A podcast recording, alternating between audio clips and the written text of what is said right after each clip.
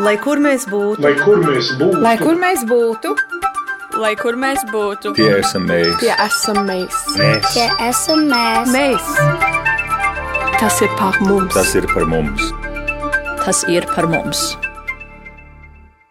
Sveiciens! Šīs reizes raidījumu Globālais Latvijas 21. gadsimts mēs veltīsim sarunai ar ģimeni, par kuru domājot, man prātā nāk mūsu raidījuma nosaukums - Globālais Latvijas, jo, manuprāt, šodienas ciemiņi ļoti precīzi atbilst šim apzīmējumam un nosaukumam. Nu, paklausieties!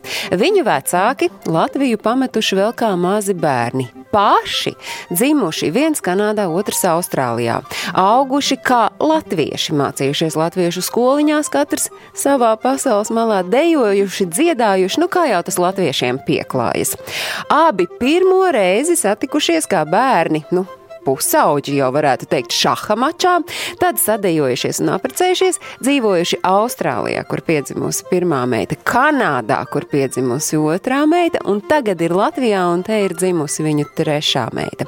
Es tikai tā drusku ieskicēju mūsu šodienas ciemiņu dzīves ritējumu, bet plašāk par to šodien gan lai stāsta viņi paši, jo attālinātie 4. māja raidījuma globālais Latvijas 21. gadsimts ciemiņi ir Dace un Dāja Dainis Runģi un arī Daiņa tētis Jūris Runģis. Sveiciens jums visiem trim! Labdien! Paldies! Uh, sarunā, nu tā attālināti, ja es varu teikt, nu turpat blakus istabās piedalīsies arī Dācis un Daiņa meitas Kaiva Solvita, Meta Milda un Zīle Māra un, uh, jā, uh, Vita Jūras Ieva arī, es saprotu, kaut kur mācās, jo tas mācību process ir tāds nepārtraukts mums visiem. Ko jūsu mājās nozīmē 4. maijs un vai jūs atceraties, ko jūs darījāt un kur bijāt 1990. gada 4. maijā, kad augstākā padome ar 138 deputātu balsīm pieņēma deklarāciju par Latvijas Republikas neatkarības atjaunošanu? Kurš sāks? Kuram ir visspilgtākās atmiņas, kuram mazāk jādomā? Es kaut kā uz jūri skatos, man neskapēc liekas. No, nu, labi, varbūt es varu sākt. Māja sākumā 90. gadā es un, un daudz cilvēku Austrālijā, mēs mūsu grupā bijām ļoti aizņemti, jo mēs gatavojāmies uz savu pirmo braucienu ar ansamblu Saules josta uz Latviju. Tas bija mūsu um, sestais pasaules apceļojums, bet pirm, mēs gatavojamies pirmo reizi braukt uz Latviju. Tā kā es noteikti ļoti, ļoti domāju par Latviju un gatavojos un tā tālāk, bet personīgi es nevaru teikt, ka es Ja, proti, sekot līdzi, jūs nesakojāt šiem notikumiem. Daini, jūs atceraties 4. māju 90. gadā, un ja varbūt nav tādas ļoti spilgtas atmiņas par 90. gada 4. māju, tad ko vispār jums mājās jūsu ģimenei nozīmē 4. mājas?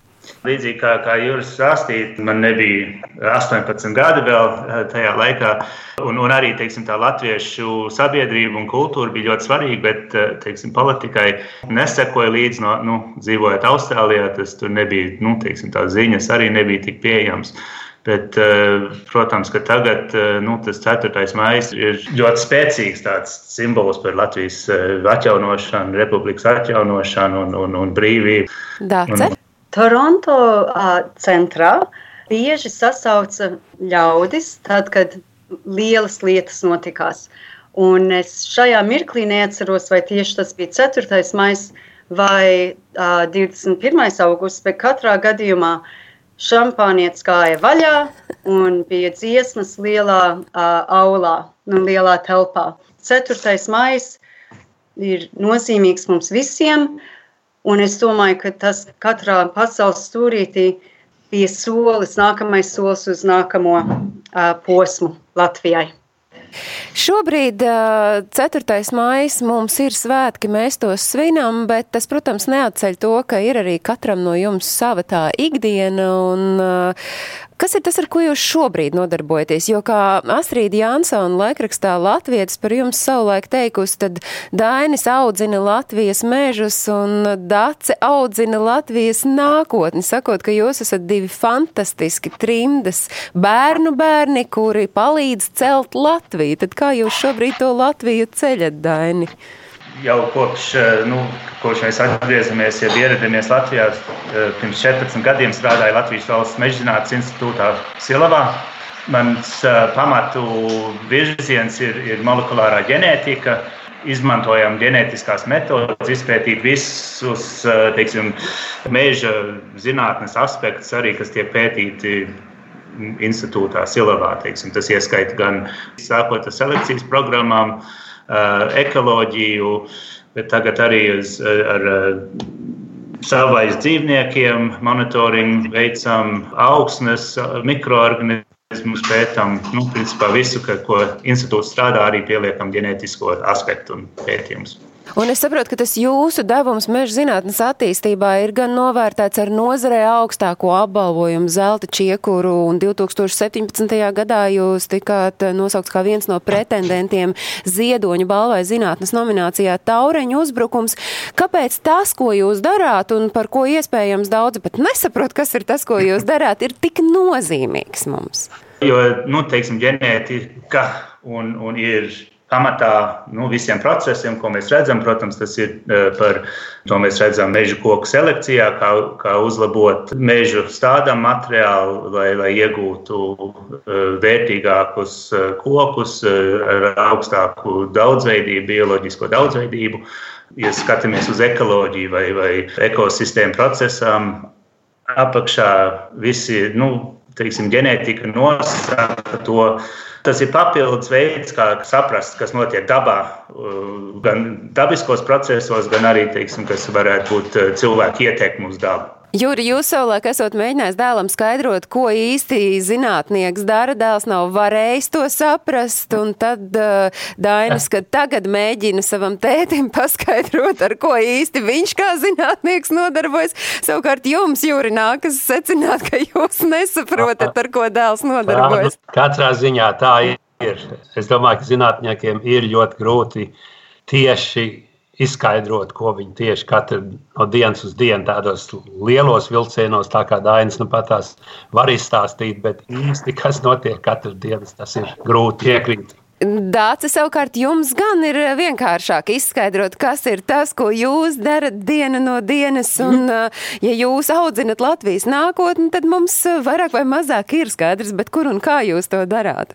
Juris Ardaini, abi zinātnieki būdami. Mēs ma pašā mājā varbūt pat audzinām trīs zinātniekus, to mēs redzēsim ar laiku. Bet ikdienā es nodarbojos, es esmu skolotāja, otrās klases skolotāja Rīgas starptautiskajā skolā, un es ar savu kolēģi, mēs kopā veidojam nākotni savā ziņā šiem bērniem. Un šobrīd tas arī notiekās attālās mācībās. Un, Jūri, jūsu ikdiena kā paiet? Pašlaik sēžot mājās un um, ļoti daudz lasot, skatoties tiešraides dažādas, ko un tā tālāk. Mēs, uh, mums palika kādas, um, tā kad 13. martā, kad sākās šī ārkārtas situācija, mums palika sešas, sešas izrādes, uz sešām izrādēm, teātriem un koncertiem biļetes, kas netika izlietotas. Tā kā drusku esam šeit, bet uh, zinām, ka uh, drīz jau tas beigsies. Un, un īsnībā Latvijā es jūtos ļoti drošā situācijā šeit, salīdzinot ar, ar citu pasauli. Un, uh, jā. patīk. Tieši Jā. tā, bet jūs esat šobrīd Latvijā un tas ceļš uz Latviju, droši vien sākotnēji es jautāšu Dācei ar Daini, jūs tiešām devāties ceļā bez tādas liekas prātošanas tā uz dūlu ar divām meitām un pussimt mantu kastēm vezumā, tā kādā intervijā ir par jums teikts. Apmēram, jā, bet nu, gluži tik nepārdomāts nebija es eh, izmā, nu, ieguvu savu, nu, savu doktora grādu un izmācījos uh, Austrālijā. Uh, tad uh, mēs aizbraucām uz, uz, uz Kanādu, un tur es strādāju trīs, nu, gandrīz četrus gadus. Vankūverā, Britkolumbijā. Tas projekts, tas pētījums beidzās. Mēs domājam, ko, ko darīt nākamo. Abas meitas vēl bija pirms skolas vecumā.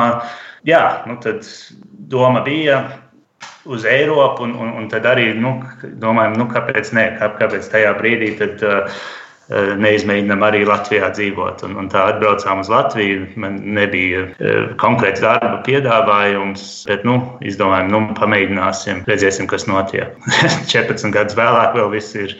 Ir samērā labi izdevies. Patriotisku Jā. jūtu vadīti droši vien zināmā mērā jūs atgriezāties, bet uh, tas uh, vienkārši tāds pliks patriotisms, es atvainojos, ka es tā saku, droši vien nevarētu ļaut atgriezties, ja nebūtu kur atbraukt. Nu, ka ir tev kaut kāda vieta, kur tu vari atbraukt. Jā, tad daudz mūsu draugu un paziņu bija šeit atbraukuši un dzīvoja Latvijā. Teiksim, 91. gadā, 92. gadā jau. Bet tajā laikā es, es pats biju iestājies universitātē, studēju, nebija tā iespēja. Un, un jā, tad, tad mēs nu, samērā bieži bijām ciemos Latvijā, bet nekad nebija tā iespēja dzīvot Latvijā. Nu, tad tagad bija tā iespēja. Tādas uh, abi vecāki nu, arī šeit, uh, mācīja šeit, uh, pat uh, lasīja lekcijas Latvijas universitātē. Tad viņiem bija tā tāda bāze šeit. Un īstenībā viņi bija tā, kas uh, uzdrošināja mūs, eh, ka, ka būs, kur, būs kur dzīvot un, un, un, un ka ir vieta mums, eh, teiksim, kur palikt, ja mēs atbraucam uz ja mēs atbraucam uz Latviju un tā atbraucām un, un esam līdz šim vēl šeit. Jūs, starp citu, atbraucāt ziemā, vai ne? Un kaut kāda mīnus 20, 25 grādi bija droši vien tādam Austrālijā dzīvojošam cilvēkam savulaik. Ja, tas varētu būt gan liels šoks, vai jūs atceraties atgriešanās brīdī, vai bija vēl kaut kādi, nu, tādi šoka mirkļi, ko jūs piedzīvojāt un iespējams arī dace? Tajā brīdī mēs nācām no Kanādas tieši tātad mums klimats bija līdzīgs. Mēs ieradāmies un ieradāmies īsnībā mājā, kuru vēl puslīdz nobeidz būves ziņā.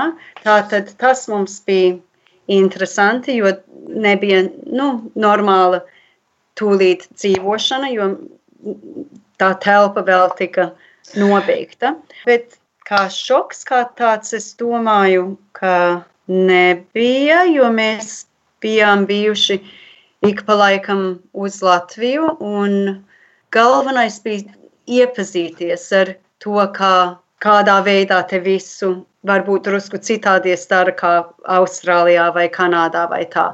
Bet es teiktu, ka nebija nekādi lieli šoki, nē, domāju.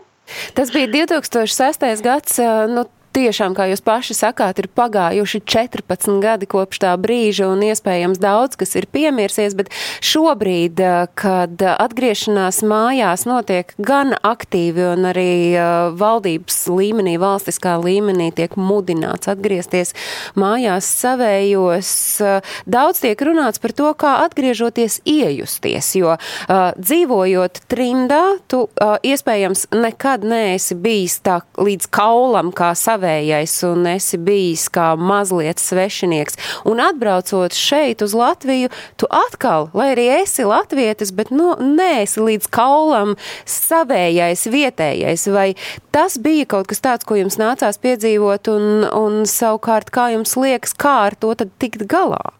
Nu, es domāju, tā kā vietās, kur bija jāpiesakās, un visu to birokrātisko šeit viss ļoti kārtībā un viss ar savu sistēmu tādā veidā tas viegli bija. Es domāju, es visu mūžu nebūšu pilnīgi Latvijas latviete, jo es, protams, tāda pilnīgi arī neizklausos un laikam arī neizklausīšos, bet vienlaicīgi mana sirds ir, ir Latvijā, bet vienlaicīgi ir uh, pieredze bijusi Kanādā un Austrālijā. Es domāju, ka pasaule ir īstenībā tik maza, ka tagad tik daudz cilvēki ceļo un izdomā padzīvot citās vietās, ka tagad tā norma tas nav neparasti, man šķiet, kad cilvēki dzīvo un izmēģina citās vietās padzīvot. Es domāju, es jūtos noteikti pieņemta. Es pat strādāju vidē, kur mums katru gadu nāk cilvēki uz dažu gadu kontraktu no citām valstīm, ārzemju skolotāji, bet arī mums ir pamatu Latvijas skolotāji, kas arī tur strādā, kas uztur to stabilitāti arī tādā ziņā skolā. Tātad es domāju, ka tas, kad ir kustība pasaulē un iespēja padzīvot citur, es domāju, ja ir interese, tad to var darīt, bet pieņemt, es noteikti jūtos pieņemta šeit. Daini, jums droši vien līdzīga tā sajūta. Nu jā, un kā, kā jau minēju, mums bija daudz teiksim, no Austrālijas, no Kanādas, kas šeit jau dzīvoja, pēc tam ir atbraukuši. Tad jau nebija tāds, un arī, protams, bija uh, citi radinieki un, un, un paziņas, kas bija šeit Latvijā. Rīga kā pilsēta, jeb Latvija kā valsts nebija pilnīgi sveša, un arī nebija pilnīgi teiksim, tāds, tāds tukšums ar draugiem un radiem. Tad ikdienas dzīvē ir mazliet eh, savādāk nekā atbraukt, teiksim, vasarā uz dziesmu svēkiem vai uz jāņiem. Kāda atminēja, man liekas, mums nebija nekādi lieli tādi nu, šķēršļi vai, vai lielas problēmas. Nu, vairāk tādas ikdienas uh, nianses, ko, ko šeit ir savādāk, bet tas jau katrā valstī ir savas nianses. Kad mēs pirm, pirmo reizi atbraucām, tad ļoti bieži prasīja, nu, pirmkārt, nu, kāpēc jūs šeit atbraucāt, un, un otrkārt, nu, kur ir labāk. Un varbūt tāds optimists esmu līdz šim visur, kur es esmu dzīvojis, ir bijis labi. Salika, nu, šitais ir labi, šitais ir pilnīgi slikti. Nu, nevar tā, protams. Jā, bet mazliet varbūt provokatīvs jautājums. Gal galā jūs kā zinātnieks iespējams, ja mēs skatāmies uz zinātni, tā varbūt ir tomēr nu, tā nelīdz galam šeit pie mums Latvijā novērtēta un arī finansiāli iespējams tā nav nu, tik labi novērtēta, kā tas varētu būt kādā citā pasaules malā. Nē, nu, protams, man liekas, 2005. gadā bija Mēs bijām šeit Latvijā un, un, un arī runājām ar, ar zinātniekiem. Vairums īsti nesaprata, kāpēc gribētu meklēt eh, darba iespējas zinātnē Latvijā tajā laikā. Bet, eh, nu jā, nu, īstenībā man ļoti veicās. Eh, strādāju ar mežiem, meža ģenētiku Kanādā. Atradu nu, tādu vietu Mežģinātnes institūtā. Jā, protams, teiksim, finansiāli pa gadiem ir, ir bijis uz augšu un uz leju. Uh, Bet eh, teiksim, nu, tas pamats ir, ir stabils, un, un tagad esam uzbūvējuši komandu. Es, protams, bez teiksim, Eiropas Savienības un, un, un, un citas, es domāju, tas nebūtu bijis iespējams, jo esam iesaistījušies dažādos, nu, visādos Eiropas tīklos un finansējuma avotos un tā tālāk. Jā, par, par zinātni neizvērsīsim diskusiju, bet es domāju, tas arī nav, nav protams, var uzlabot. Bet atkal, kā jau minēju, nu, agrāk varbūt bija viņa optimistisks, bet nu, nav jau, ka visur, ka kaut kur citur ir, ir pilnīgi perfekti un, un labi. Jo es zinu, ka arī cilvēki, zinātnieki, kolēģi, ko es runāju no citām Eiropas valstīm, arī sūdzās par savu, savu valsts eh, finansējumu un, un, un attieksmi pret zinātnē. Nu, tā jau zināmā mērā ir tāda cilvēka daba būt tieksmē uz to, ka vajag visu laiku mazliet labāk un ka mēs varam labāk. Bet, Jūri, tas jūsu māju ceļš uz Latviju, jūs prom devāties divu gadu vecumā tiesa uh, no Latvijas. Un, tad, tas, taistīt, jā. un tas māju ceļš, es saprotu, jums bija tāds, uh, uh, nezinu, kā lai to tagad precīzāk pasaka, atbrauksim, pamēģināsim kādu gadiņu. Vai jūs braucāt jau ar uzreiz tādu skaidru vīziju, ka braucam un, un esam šeit? Īsnībā bija tā, ka uh, Dārts un Dainis un savām meitenēm šeit dzīvoja. Tad mūsu meita Māra ar savu vīru izgudroja, ka viņa arī grib šeit dzīvot. Mēs teicām, es esmu tagad uh, aizgājis pensijā, man nav darbs Austrālijā. Kāpēc lai mēs paliktu Sidnejā? No, tāpēc mēs atbraucām uz šeit. Jums, Dace un Daini, meitām ir brīnišķīgi vārdi. Atgādinu, es jau raidījuma sākumā minēju, Kaiva Solvita, Meta Milda, Zīle Māra. Zīle Māra, es vēl saprotu, piedzimst Latvijā meita, nu, skaidrs, ka mēs tā viņu sauksim, bet uh, tai brīdī, kad uh, Kaiva Solvita dzīva Austrālijā un Meta Milda dzīva Kanādā, jūs taču droši vien vēl nenojautāt, nu, ka tagad vēl pēc dažiem gadiem mēs dzīvosim Latvijā. Kāda ir tā jūsu meitu vārdu izvēle? Tas nav nejauši taču. Pirmām divām meitām nav garumzīmes.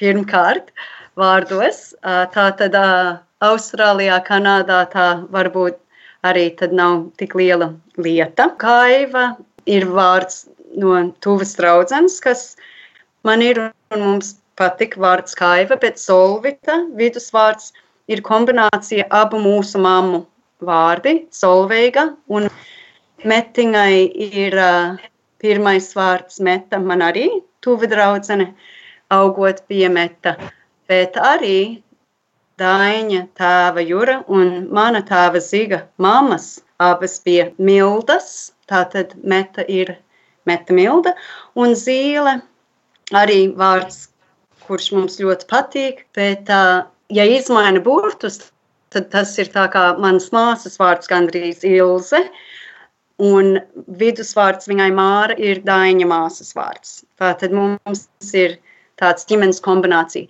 Ja būtu piedzimis dēls, es gluži nezinu, kas būtu tad bijis, bet uh, mums stāv spēkā trīs meitas ar ģimeņu saitēm. Starp citu, ko jūs meitas ikdienā dara? Viņām šobrīd ir cik gadu un kā tā viņu ikdiena aizrit? Nu, uh, viņas ir tālmācībās šobrīd visas. Kaiva 12. klasi, Meta 11. un Zīle 6. Un šobrīd es domāju, kā mums daudziem aiziet diena mācībās, cītīgi mācās, cītīgi strādā, un citādi es ārpus mācībām kā tā, tad mēs esam laimīgi būdami tuvu mežam. Mēs pavadām laiku ar suņiem, staigājot pa mežu. Mums ir kaķi, mēs varam dārzā pakavēties un varam paritiņot. Mēs cenšamies padarīt lietas mājā un nu, nesaskaroties ar pārējo cilvēku šobrīd, kā jau visi. Domājot par to, kā jūs paši esat auguši, jo galu galā jūs pārstāvat tādas tiešām stipras un spēcīgas latviešu dzimtas, un ne par velti trimdinieki par jums teica, ka, nu, Dats ir Solveigas un Zīga miezīšu meita, bet Dainis ir Saules jostas jūra ruņģa dēls, vai tas, ka jūs paši uh, esat uh, cauri un cauri, nu man tā sajūta caurausti ar to latvietību, tas ir tāds jūsu senču nopelns un cik liela ir savukārt tagad tā atbildība jums tālāk to, ko jums savulaik iedeva vecāki, nodot savām meitām. Varbūt Dainis. Jā, protams, uzaugot, es domāju, mūsu vecāki ļoti cīnījās par to, nu, vispār gan ar mums, pašiem, lai saglabātu to latvietību. Vismaz jaunībā ne, nebija pirmā prioritāte sestdienas rītos iet uz latviešu skolu, mācīties gramatiku, ko, ko līdz, arī līdz šai dienai neesam pareizi iemācījies. Bet eh, arī jau pusauģa vecumā un, un, un pieaugot, nu, saprat, ka mums arī bija pietiekami liels teiksim, latviešu draugu lokus. Ja gribēja kaut kādas kultūrālas aktivitātes uh, Sidnejā, Austrālijā, uh, latviešu vidē, latviešu nozīmē, nu, tad pašam bija jādara. Korī dziedājām, tautstējās, teātrī. Šeit, uh, Latvijā, tas, tas ir zināmā mērā nav tikai mēs, kas to darām. Ir, ir, ir nu, Latvijas sabiedrība un, un visi Latvijas uh, iedzīvotāji, kas arī to dara. Jā, bet no citas skatu punkta raugot, tad, kad tev tas ir tā pašsaprotami, tad varbūt tu atslāpsti. Nu, kāpēc man ir jādejo, kāpēc man ir jādzied, kas man vispār ir jāsaglabā, jo es arī saklausīju, tā tomēr bija zināmā mērā cīņa. Cīņa, Jūri, piekritīsit vecākiem ar bērniem, iespējams cīņa tam bērnam pašam pašam ar sevi. Un uh, droši vien, ka jums, Jūri, arī ir savs Jā, uh, skatījums uz to. Mums ļoti laimējās tādā ziņā, ka mēs bija iespējams norganizēt saules jostu. kas bija ansambls, kādi 50 cilvēki no Sidnejas un Kanberas un dažām citām Austrālijas pilsētām. Un mēs katru trešo gadu um, sarīkojam pasaules turnēju. Tā ir nozīmē, deju ka no kopa, tā- tā ir deju kopa, mums jāpaskaidro Deju kopa. klausītājiem. Tā ir deju kopa. Jā, jā, deju un dziesmu ansambls. Un tas nozīmē, ka Dainis un, un Māra nu, no bērna vecuma mēs sākām viņus uh, vadīt pa pasauli apkārt, ka viņiem bija, es nezinu, Dainis labāk atcerēsies, 9 gadi, jeb, jeb 12 gadi apmēram. Un, protams, tā kā viņi palika par pusauģiem, tad arī tas bija viegls veids, kā viņus pieturēt, jo tas bija interesanti. Viņi satika citus latviešus no Amerikas, Eiropas un tā tālāk. Un tad 90. gadā, kad mēs atbraucām uz, uz Latviju, tā nu, nu šausmīgi visiem tiem cilvēkiem, kas atbrauca Saules jostā, piedalījās vismaz kādi, es nezinu, 20, jeb 30 pēc tam uz kādu laiku uzturējās Latvijā. Nu, vēl ar vienu, es domāju, Dainis, nezinu, cik kāds ducis ir palikuši no tā laika. No, jā, jā, var- varbūt jā. Dāci savukārt, nu tad jums raugot to savu pieredzi un tagad kā nodot meitām, ir vienkāršāk jums pašai šķiet, nu, ka tas nav tā, par to nav varbūt vairs jācīnās, par to, ka tu esi latvietis un par to, ka latvietība tā ir tāda stīga, kas ir novilkta. Jā, es teiktu, bērnībā mums bija vasarnīca, kur bija latviešu ģimenītes, un vecākiem bija personīgais uzdevums saviem bērniem mācīt valodu un iesaistīt bērnus latvietībā kā tā. Un es, es pat atceros, kad vasarnīcā mums būtu ugunskura vakar, kur bērni mums bija uzdots uzvedumus sagatavot. Tātad pat brīvlaikā bija šī latvietība svarīga mums, bet tad ikdienā arī tāpat ar tautstējām vai tie, kas koros vai teātros piedalījās vai tā. Tātad to, kas trimdā bija liela mīlestība, liels darbs un joprojām tas arī turpinās. Bet es teiktu tā, ka daļa mūsu uzdevums atbraukt te pabūt un dzīvot un audzināt meitas te Latvijā, ka jā, tas ir pavieglinājums man, jo viņām, protams, valoda sen jau pārvar manas spējas, un par to es tikai varu lepoties un priecāties, ka mēs esam varējuši viņas arī um, audzināt latviešu sabiedrībā, latviešu skolās, un ļaut viņām savu nākotni izvēlēties ar to, ka mēs esam varējuši vismaz padot viņām tālāk to, ko mūsu vecāki un ko mūsu um, jaunības tā sabiedrība tik ļoti mēģināja un piedāvāja savai jaunatnē. Viena no ļoti, ļoti svarīgām jūsu dzīves daļām katram savu laika sprīdi ir bijusi deja. Nu, nevēl es teicu, ka jūs, Daini un Dāci, sadejojāties. Tas nebija taču melots, tā patiešām bija. Ko tad jums šobrīd nozīmē deja un cik svarīgu lomu ikdienā tā spēlē jūsu dzīvēs tagad? Mums, pa, piemēram, diždanču mēģinājumi bija pirmdienas vakaros lielam diždancim, un tad mazam diždancītim bija otrdienās. Tātad tur arī bija tāds ritms, ka tas viss bija jautram pārim bija piekdienas vakaros. Tātad katrā valstī var būt drusku savādāk. Dainiem latviešu skolas ses, ā, sestdienās mums bija valodiņa piekdienas vakaros. Tātad tādā ziņā tur bija ritms un, un tur bija dienas vakari vai dienas aizņemtas ar zināmām lietām. Bet tagad, kad mēs esam atbraukuši uz Latviju, man jāatzīstās tā, ka noteikti esmu slinkojusi tajā nozarē un ka nesmu iekļuvusi nevienā dēļas kopā vai tā. Bet uh, līdz ar to mēs baudām uh, dziesmu sārkus, skatoties dēļas un skatoties lielu uzvedumos, koros un citus uzvedumus apmeklējam.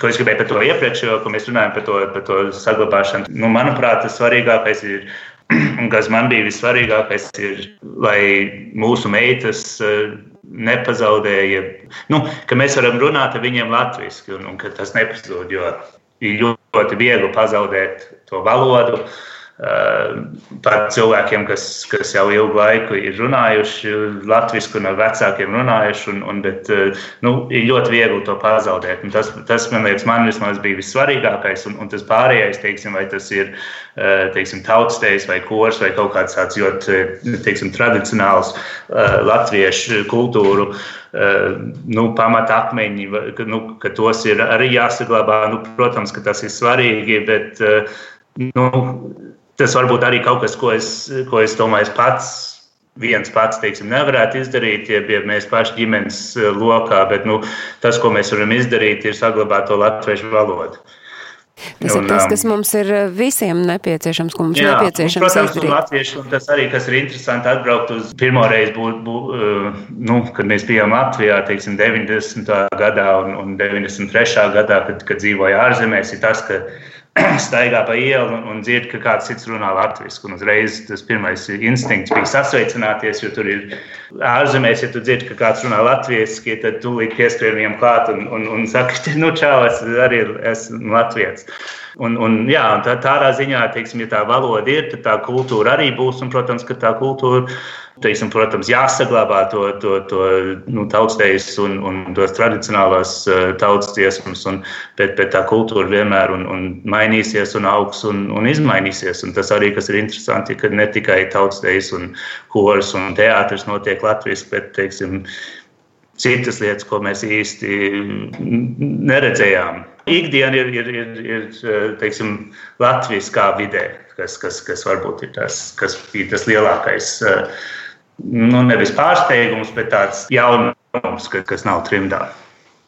Un dzīvojot Latvijā vidē, tad arī meitas savu dzīvi veido. Pa, piemēram, Kaiva korī cerēja šogad um, nu, jaunatnes dziesmu sārkos piedalīties.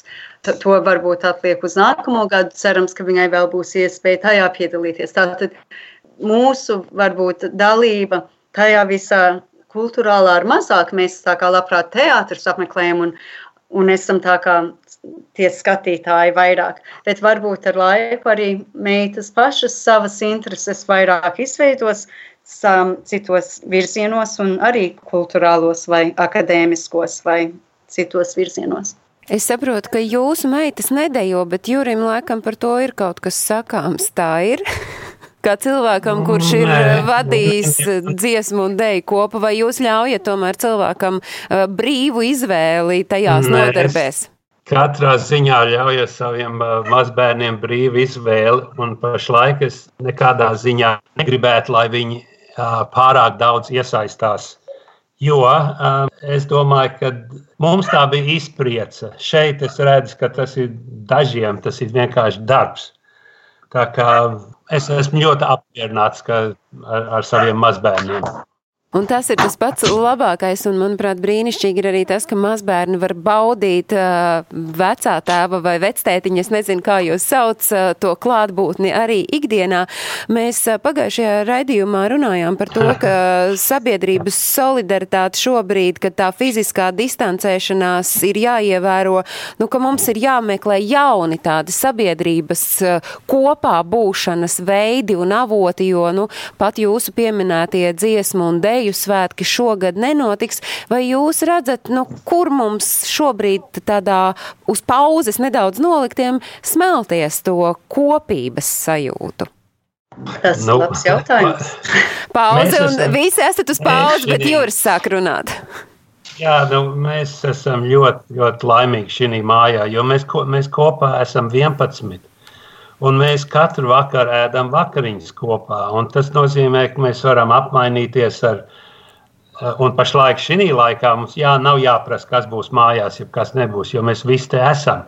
Vienkārši es, vismaz es un, un mana sieva Vita, mēs izbaudām šo kopā būšanu. Jā, nu, kā jūs minējāt, mēs, mēs tieši personīgi šajā vietā esam ļoti laimīgi tādā ziņā, bet to pašizolācijas, eh, jeb, jeb sociālās distancēšanas laikā, ņemot vērā, ka mēs esam tik daudz tajā mājā. Šajā mājā mēs arī uh, dzīvojam teiksim, blakus mežam. Bet tas, ko es arī domāju, ka es nezinu, vai tas var sa saliedēt uh, nu, sabiedrību kā tādu, bet nu, arī tas, ka izskatās, ka tie lēmumi, ko, ko valdība ir, ir ieviesusi, ieviesus, un, un, un tā izskatās, ka tas prīstam Latvijā salīdzinot ar citām valstīm Eiropā ir, ir veicies. Un, un, ir cerams, ka tas dod sabiedrībai tādu iedvesmu turpināt un pārvarēt šo, šo, šo krīzi. Un, un arī, kad nu, teiksim, uz nākotni, kad tas dos uh, sabiedrībai uzticību valdībai, nu, ka, ka tomēr viņi var kaut kādas pareizas lēmumus pieņemt, un ka viņi nav visu laiku tikai, nu, neteikšu, bet nu, to, ko parasti sabiedrībā saka par valdību un politiķiem. Ka valdība slikta, politiķi neko nejēdz. Dācis, savukārt, jūs arī redzat, nu, droši vien no vienas ģimenes nākat, ka tā jūsu ģimenes kopā būšana ir tā, kas palīdz jums šobrīd arī, nu, to. Uh, kopā būšanu arī ar, ar pārējiem latviešiem noturēt? Tad, kad uh, mēs atvācāmies šeit, Mana mamma bija pirkusi ar tēvu šo māju tieši ar tādu cerību, ka varētu visi dzīvot zem viena jumta. Un tad, kad viņi vēl bija dzīvi, tad mēs ar viņiem padzīvojām kopā. Tad, kad viņi bija atbraukuši uz Latviju, un tagad ir fantastiski, kad mēs arī varam padzīvot visi kopā ar Vitu un Juri un Dāņu māsu un vīru un bērniem. Un mēs visi. Tā tad tā kopības sajūta patiešām man jāpiekrīt Jurim un Dainim, ka tas mums ir zelts. Un par sabiedrības kopību šajā laikā man ļoti patīk katru vakaru, kad Vita ar Juri nonāk teikt ar labu nakti mums. Viņi skaidro, kas ir tā opera, kuru viņi šovakar ir noklausījušies uz lielā raidījuma. Un man šķiet, ka varbūt šie notikumi šobrīd kurus piedāvā citas sistēmas, vai nu, uh, nu iespēju operas noskatīties, vai citus tādus koncertus. Man šķiet, tas ir ļoti um, vērtīgi nu, sabiedrības kultūrālai izaugsmei, toties mums būtu drusku vairāk jāpiedalās tajos arī. Uh, bet um, ta, tas, man liekas, ir viens veids, kā man liekas, um, sabiedrība mēģina risināt to, ka varbūt nav ko darīt. Bet otrs ir, ka es ļoti arī piekrītu Dainim, ka valdība ir ļoti gudrus lēmumus ņem, kad mums ir svarīgi būt veselīgiem kopā, glābt šo situāciju, risināt viņu ne tikai Latvijā, Eiropā, globāli, un ka mums visiem ir loma svarīga to darīt un to paveikt kopā. Un liela pateicība mediķiem un visiem tiem cilvēkiem, kuri ir ikdienā savos darbos un īstenībā nes lielo to darbu tiem no mums, kuri mājās var sēdēt un strādāt no mājām. Un kopā es domāju, cenšamies risināt šo lietu un savilkt pasauli atkal kopā. Paldies, liels brīnišķīgi, Dace, no jūsu mutes nulkā izskanēja šī raidījuma noslēguma vārdi. Mēs visi savilksim šo pasauli kopā. Paldies, es šai brīdī saku Dacei Ruņģei, Dainim Ruņģim un Daņa tētim Jurim Ruņģim. Lai jūsu mājās ir priecīgi svētki un 4. māju izdodas godam pavadīt, es to pašu vēlu ikvienam, kurš šodien piedalījās mūsu raidījumā, gan kā klausītājs, gan kā skatītājs. Un es atgādinu, ka visus ārpus Latvijas eh, dzīvojošajiem eh, svarīgos eh, notikumus un aktualitātes jūs varat meklēt arī portālā latviešu.com. Turpat mēs arī skatāmies mūsu raidījumu Globālais Latvijas 21. gadsimts. Raidījumu varat skatīties arī Latvijas radio viens mājaslapā, bet atkārtojumu mēs klausāmies katru svētdienu uzreiz pēc trījiem pēcpusdienā. Uz tikšanos nāk nākamā pirmdiena un lai visiem ir jauka šī diena. Atā!